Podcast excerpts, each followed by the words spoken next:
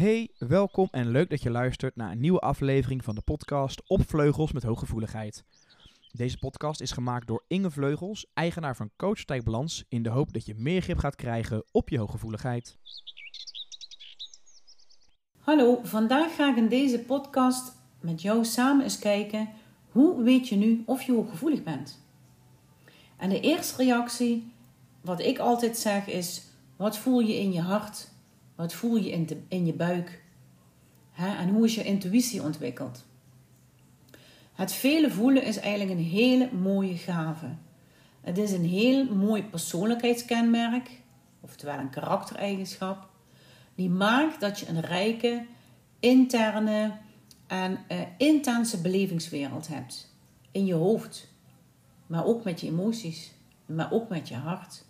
En het vele voelen zien heel veel mensen, als ze er pas achter komen, eigenlijk als een nadeel. Want je wordt er overspoeld. Je krijgt eigenlijk alle emoties die je meemaakt op een dag niet op een goede manier verwerkt zoals je het graag zou willen. En als dat maar lang genoeg duurt, dan raak je overspoeld.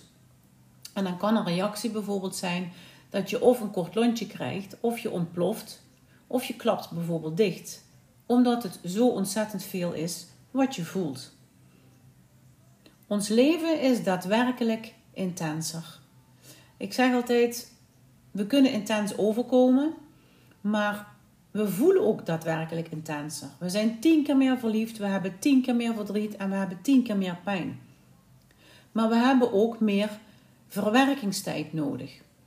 We hebben meer hersteltijd nodig. Waar een niet-HSP'er bijvoorbeeld met een aantal dagen een stresssituatie uh, in zijn hoofd heeft opgelost en in zijn hart, hebben wij er misschien een week voor nodig. En ook dat is prima. Maar dan blijf je soms ook wat langer in bepaalde stemmingen hangen.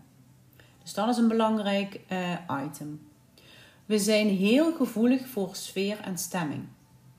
Zowel in je eigen gezin, pak je naadloos pak je de dingetjes op die anders voelen die een niet-HSP'er of je partner misschien niet ziet of voelt, voel jij eigenlijk al bij binnenkomst van bijvoorbeeld je kind. En ja, het is natuurlijk heel fijn als je die eigenschap hebt, want zo kun je ook heel snel anticiperen op het gedrag of het gevoel van, uh, van je kind bijvoorbeeld.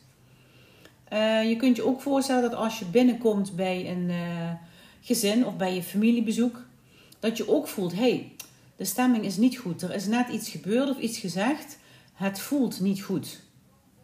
En voelen is voor ons eigenlijk weten.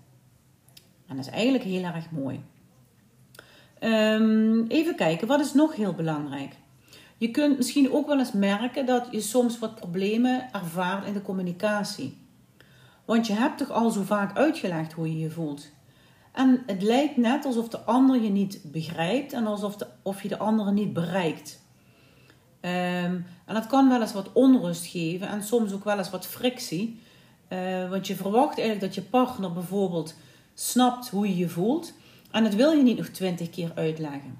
Maar als je partner bijvoorbeeld geen uh, hoogsensitiviteit uh, heeft, of hooggevoeligheid, hooggevoelig is, dan um, zal hij dat op een andere manier ervaren. En hij zal dan gerust jou willen volgen. Maar een niet-HSP'er kan nooit zo voelen als dat jij je voelt. En daardoor kan de communicatie wel eens moeizaam verlopen, omdat je gewoon verbinding mist. Want wat wil een HSP'er? Die wil verbinding voelen met de ander, die wil diepgang voelen en dan voelen ze zich veilig om zich volledig te uiten. Als je wat verder ontwikkeld bent in je hooggevoeligheid, dan weet je vaak binnen een paar minuten als je nieuw iemand leert kennen of die hooggevoeligheid is of niet. En dat is eigenlijk wel heel fijn, want het is fijn als je kunt praten met gelijkgestemden. Maar verwacht niet dat iedereen jou kan volgen. Verwacht het niet. Er zijn ook heel veel mensen die jou niet kunnen volgen en waar je evenveel waardevolle en liefdevolle contacten en gesprekken mee kan hebben. Dus raak daar niet teleurgesteld in. Nou, dit zijn een aantal items uh, waarbij je zou kunnen uh, bedenken: uh, ik ben misschien wel hooggevoelig. Ik kan van mezelf vertellen dat ik vanaf mijn zesde me anders heb gevoeld en eigenlijk nooit de vinger erop heb kunnen leggen wat er anders was. Ik kon wel, eh, toen ik startte met werkte in kinderthuizen, heel slecht tegen avond- en nachtdiensten, onregelmatige diensten. Ik vond het fijn als ik structuur had. Ik was wel eens wat gevoeliger voor bepaalde klachten. Ehm, ik zag heel veel. Ik voelde heel veel. Maar ik kon eigenlijk nooit zo goed de vinger erop leggen. En een jaar of tien geleden ben ik erachter gekomen dat ik hooggevoelig ben. En eigenlijk was ik er ontzettend blij mee. Eindelijk vielen de puzzelstukjes op hun plek en wist ik, nu is het goed, nu begrijp ik waar bepaald gedrag of gevoel vandaan komt. En dan begint natuurlijk uh, het stukje van accepteren dat het bij je hoort. Accepteren dat je veel voelt en dat je soms wat anders of wat heftiger reageert, maar dat je ook zoveel waarde kan bieden en dat ook je met het vele voelen ook je zoveel mensen kan helpen.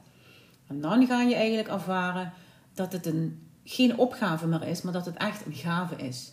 Het is zo'n mooie karaktereigenschap. En ik ben er heel blij mee. Inmiddels heb ik uh, al heel veel jaren talloze cliënten geholpen om zich beter te voelen met hun hooggevoeligheid, om te accepteren uh, dat het bij je hoort en dat het eigenlijk een verrijking is van je hart en van je hoofd. En dat gun ik jullie ook. Ik wens jullie er heel veel succes mee met deze mooie zoektocht. En ik hoop dat je op het einde blij bent en dat HSP een mooi plekje in je hart en in je leven gaat krijgen. Hopelijk heb je wat gehad aan deze podcast. Wil je nou altijd op de hoogte blijven? Vergeet dan niet deze podcast te volgen en te liken. En voor meer informatie kun je terecht op coachpartijbalans.nl.